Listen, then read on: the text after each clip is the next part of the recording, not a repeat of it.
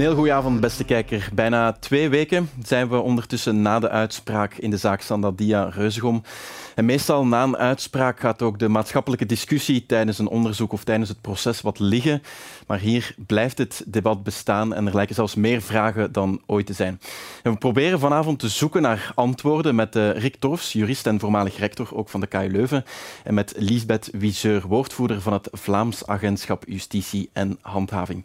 Goedenavond beiden, welkom in de studio. Mevrouw Wiseur, uw um, agentschap houdt zich bezig met de straffen die geen gevangenisstraffen zijn, dus ook die werkstraffen. Ik kan me inbeelden dat er bij jullie op de werkvloer ook wel veel gepraat is over de discussie die er nu leeft. Hè? Ja, uiteraard bij ons op de werkvloer. Maar ik uh, merk natuurlijk overal wel hè, dat de animositeit rond de uitspraken blijft bestaan. Ja, ook in uw privéleven dus, uh, waarschijnlijk. Ja. dat klopt. Het blijft uh, onderwerp van discussie aan onze keukentafel ook. Ja, ja, absoluut. meneer Torfs, hoe vaak heeft u het 120 pagina lange arrest al gelezen ondertussen?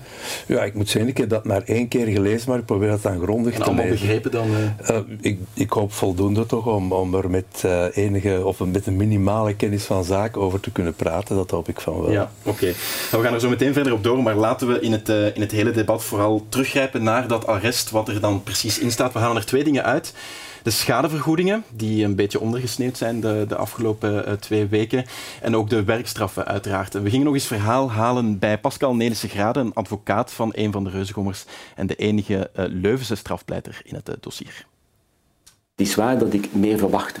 En eerlijk gezegd, ik verwachtte misschien een straf met uitstel en een hogere straf qua, of een hogere schadevergoeding. De schadevergoeding voor de vader van Sandadia, zijn halfbroer en hun partners werd door het Hof vastgelegd op samen 33.000 euro. Hun advocaten hadden gevraagd om de aanstelling van een deskundige, zoals een psycholoog. Die zou dan kunnen onderzoeken wat de mentale schade is bij de familie en een rapport opstellen waarmee de familie via een nieuw proces een schadevergoeding kon bekomen. Maar het Hof wimpelde die vraag voor een deskundige af, want ze was niet genoeg gemotiveerd. Het Hof legde de schadevergoedingen zelf al vast. Nelische Grade had het begrepen, mochten die hoger geweest zijn. Het is niet alleen maar hier zomaar een eh, overlijden. Je moet ook heel de context bekijken en dus het leed dat eraan vooraf gegaan is. Als men zegt daar in die, in die put zitten, kou lijden enzovoort. Ik vind persoonlijk dat dat misschien niet voldoende in het licht is gezet door het Hof. Uh, men heeft gewoon geoordeeld, het overlijden, dat zoveel waard. Een beetje zoals bij een verkeersongeval. Maar hier is er een heel lijden aan vooraf gegaan, waarover, ik zeg niet dat het Hof daar geen rekening mee gehouden heeft, maar het Hof zegt daar niks over. De advocaten van de moeder van Sandadia vroegen voorlopig 1 euro schadevergoeding en ook de aanstelling van een deskundige. Zij kreeg die wel en kan via een ander proces dus misschien nog hogere schadevergoedingen bekomen. De reuzengommers werden veroordeeld voor mensonterende behandeling en onopzettelijke doding. Het Hof besloot de veelbesproken werkstraffen op te leggen, terwijl de wet voor die aanklachten eigenlijk tot twee jaar cel voorziet. Is het dan eigenlijk niet objectief een lichte toepassing van de strafwet, dus lichte straffen? De, ja, kijk, het Hof heeft natuurlijk rekening gehouden met een heleboel elementen. Namelijk de duurtijd van de zaak, van het hele onderzoek, hoe grondig dat dat gebeurd is. Men heeft ook gemotiveerd in het arrest dat er wat media-aandacht is geweest in het dossier. Dat, men, ja, dat is dan het, ja, de keerzijde van de medaille. Men wil het allemaal op tafel gooien. Maar het Hof heeft ook gezegd, ja, dat, hij moet rekening mee houden met de straf, want ze zijn in zekere zin gestraft. Morgen loopt de termijn om cassatie aan te tekenen af. Wellicht gaat dat niet gebeuren. Dat om cassatieberoep aan te tekenen moet je toch ergens een technische reden hebben. Uh, de zaak wordt niet opnieuw ten gronde beoordeeld. Het gaat over procedurefouten. gaat het niet en het gaat alleen maar over procedurefouten. En ik heb er geen gevonden, maar bon, uh, ik denk dus niet dat er iemand, ook met de hele heisa, enig cassatieberoep zou overwegen. Ja, de advocaat liet mij vanmorgen ook nog weten dat hij uh, vanmorgen ook zijn eerste dreigtelefoon, of toch zijn secretariat in ieder geval, heeft gekregen. Uh, meneer Torfs, het, het, het, wijst misschien ook nog eens aan dat er heel veel onvrede is over die, die werkstraffen, hè? over dat ze te laag zijn. Is het volgens u een rechtvaardige straf? Wel, laten we beginnen met te zeggen dat het denk ik een juridisch correct toegekende straf is. Dat lijkt mij het eerste punt. Ja. Um, En dat blijkt ook uit wat meester Nelissen Grade zegt. Het zal wellicht heel moeilijk zijn om fouten te vinden, juridische fouten dan, ofwel procedurefouten, ofwel echt foute toepassingen van een rechtsregel. Die kans lijkt mij gering. Uh, maar is het rechtvaardig? Dat is natuurlijk heel moeilijk, want recht is redelijk duidelijk. Dat is, dat is een normatief iets. Rechtvaardigheid, ja, dat is een beetje een moreel inschatten. Daar zit een waardeoordeel subjectief, natuurlijk. Ja, en, en niet iedereen heeft hetzelfde gevoel. En wat vindt u zelf? Wel, ik moet zeggen, uh, ik vind het een, toch een evenwichtig geschreven arrest, dat wel. Um, ik vind wel dat we duidelijk ook moeten kunnen zeggen dat uh, wat Reuzegom gedaan heeft afschuwelijk is, wat die leden gedaan hebben. En mensonterend, dat is heel duidelijk. De vraag is dan, welke straf is de meest gepaste en daar komt dan een andere context naar boven. Wat wil je doen met die straf? Wat, is, mm -hmm. uh, wat wil je daarmee bereiken? Ja. En mm -hmm. daar, als je dan zegt, ja, het weegt niet op tegen de dood van iemand, ja, dat kan je nooit compenseren. Ja. Maar, mevrouw Wieser, mm -hmm. begrijpt u die perceptie dat de straffen te laag zouden zijn?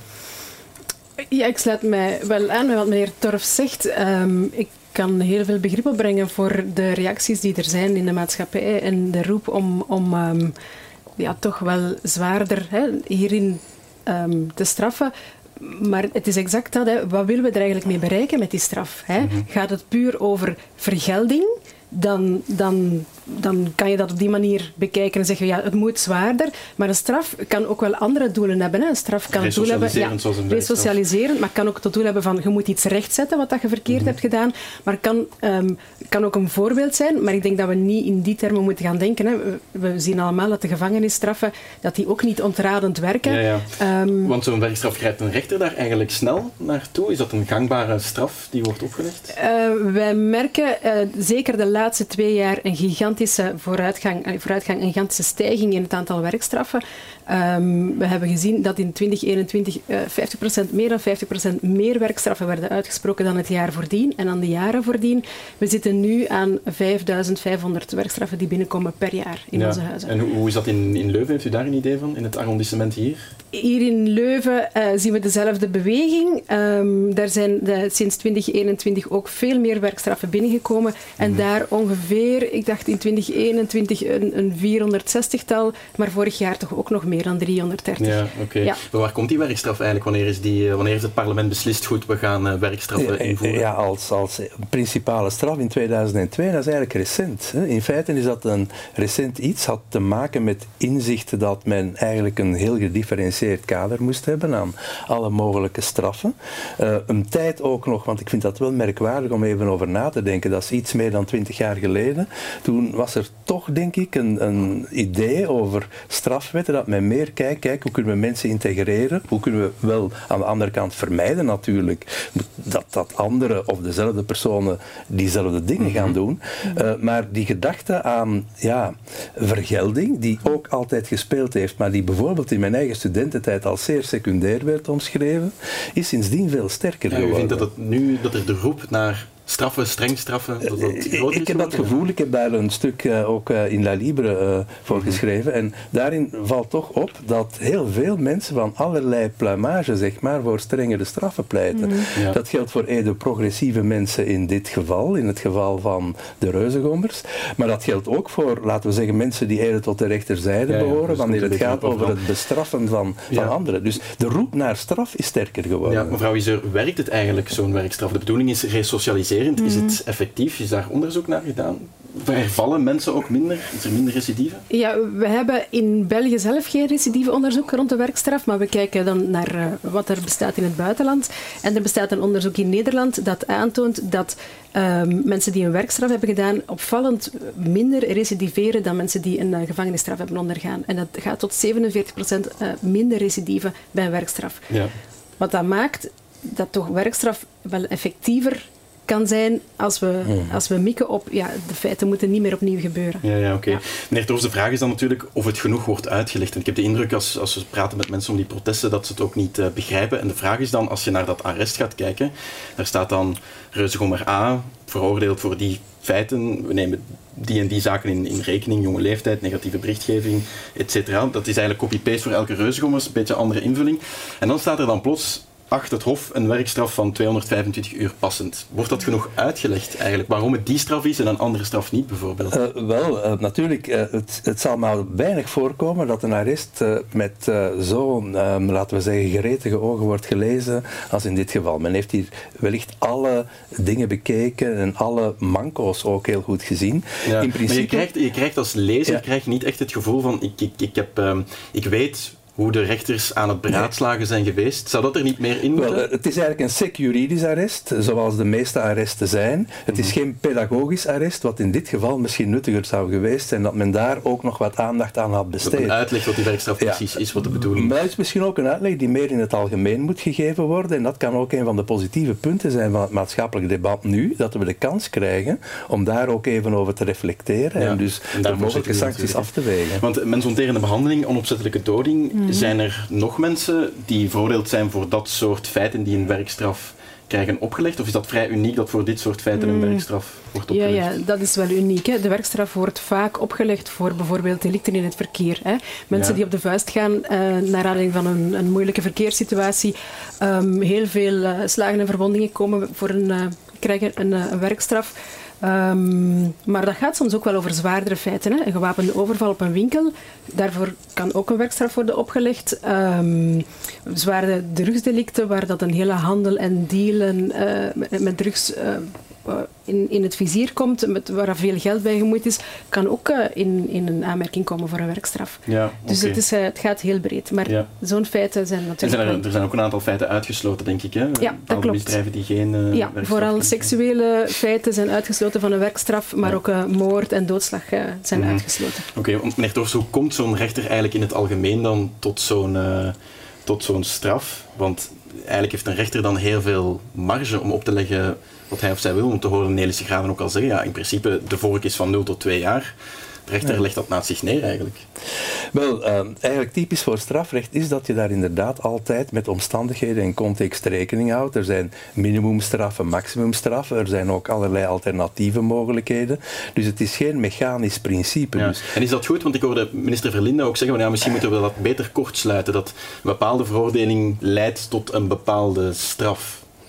Uh, wel, dat doet men tot op zekere hoogte. Hè. Men gaat zeggen, in dit geval zijn geen werkstraffen mogelijk, of in dit geval heb je een minimum ja, en zo meer. Dus het bestaat wel. Ik zou die vork toch wel uh, toelaten, omdat je altijd in een context moet kunnen zien en oordelen. Dat verschilt voor een stuk met de burgerlijke aansprakelijkheid, waar je dus het criterium van zorgvuldigheid moet uh, ja. aanwenden. Dat is voor een, voor een gedeelte toch wel mechanischer. Maar voor een straf lijkt mij dat heel raar, dat, dat je niet meer zou mogen oordelen wat de omstandigheden zijn. Vervangen door een machine. Dat vind ik ook. en het is ook een teken van beschaving, denk ik, en ook een kundigheid van een magistraat om die dingen te kunnen analyseren en afwegen. Dus mechanisch lijkt veiliger, maar is eigenlijk op termijn misschien onmenselijker. Oké, laten we nog heel kort inzoomen ook op dat strafblad, want die werkstraffen mm. komen, er nu niet op. Dat is ook mm. een deel van het debat. Mensen die zeggen, goed, laten we die werkstraffen ook op een strafblad zetten. Mm. Is dat een optie, denkt u?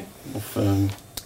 Um, is dat een optie? Ik denk dat het heel duidelijk is dat de, de, wetgever hier beslist heeft dat de werkstraf eigenlijk gericht is op reïntegratie en resocialisatie. De bedoeling dat mensen eigenlijk terug de, de, de binding maken met de maatschappij, iets terugdoen voor de maatschappij en hun schade herstellen. Um, dus in die zin dat zou het. filosofie op het, een beetje ja, het op het, op het um, uh, zetten op het, uh, op het strafuitreksel zou inderdaad helemaal tegen die filosofie ingaan. Hè, want daarmee verklein je de kans dat mensen achteraf terug werk vinden. Ja. En is eigenlijk helemaal tegen de resocialisatie. Okay. Dus ja, ja, eigenlijk wel. Hè. Dus in feite, uh, men kan dat natuurlijk altijd wettelijk veranderen, maar die logica begrijp ik perfect. Mm -hmm. En doet mij wat denken aan het brandmerk uit de middeleeuwen, waar mensen die veroordeeld werden op hun wang of op hun voorhoofd een brandmerk kregen. Mm -hmm. En dan kon men zelfs weten aan het brandmerk waar ze precies veroordeeld waren. Nu, dat is, uh, om toch eens iets over mijn vak te mogen zeggen, onder impuls van het kerkelijk recht in de 17e eeuw definitief afgeschaft, omdat men dat overdreven vond. Een strafregister is een wat moderner vorm van brandmerk. -hmm. Noodzakelijk, denk ik, voor mensen die echt potentieel gevaarlijk kunnen zijn, maar ik snap heel goed de gedachte, uh, geef hen een nieuwe kans, durf ook... Ja. Uh, ja, durf... Dus dat brandmerk moeten we niet... dat, voor mij hoeft dat nee. niet. Mevrouw Iseur, -hmm heel concreet, die werkstraffen. Wanneer moeten de reuzengommers precies uh, gaan werken? Weten ze dat al? Nu, hoe dan ook, dit gaat over zware straf, zwaar veel uren, 250 tot 300 uren. Ehm, en de werkstraf moet in principe uitgevoerd worden binnen het jaar. Dus in alle gevallen, van zodra dat het dossier binnenkomt... Bij jullie ja, justitieassistenten worden zij... Is het zaak om daar heel snel aan te beginnen. En, ehm, want reken maar uit, 300 uur en 8 uur op een werkdag, ja, dan zijn er al gauw 40 dagen aan het werken. Hè? Ja, want dat wordt vaak ook op zaterdagen ingepland. Ja, dus dat wordt bekeken... van de ja, zelf. Ja, dat wordt met elke werkgestrafte bekeken van is het iemand die voltijds werkt of studeert. Ja, dan moeten we gaan zoeken naar bijvoorbeeld weekendplaatsen waar dat die dan eh, terecht kan. En dan ben je al gauw elke zaterdag uh, of elke zondag Bijna een jaar lang ja, bezig. Wordt dat een moeilijke opdracht ook om voor die reusgommers allemaal een plek te vinden? Want sommige werkplaatsen zijn in groep, heb ik begrepen, andere zijn individueel. Hoe zit dat? Dit is inderdaad niet zo uh, evident. Nu, we, hebben, we werken met, met verschillende werkstrafplaatsen op sommige plaatsen. En het zijn allemaal ook openbare diensten of VZW's of mhm. diensten met een, een sociaal doel.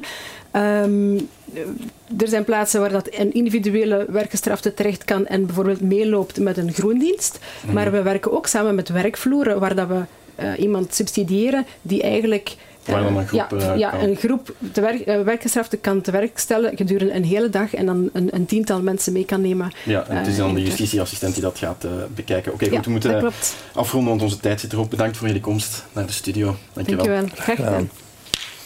En u thuis ook bedankt voor het kijken. Volgende week zijn we uiteraard opnieuw op uh, donderdagavond. Tot dan. Dag.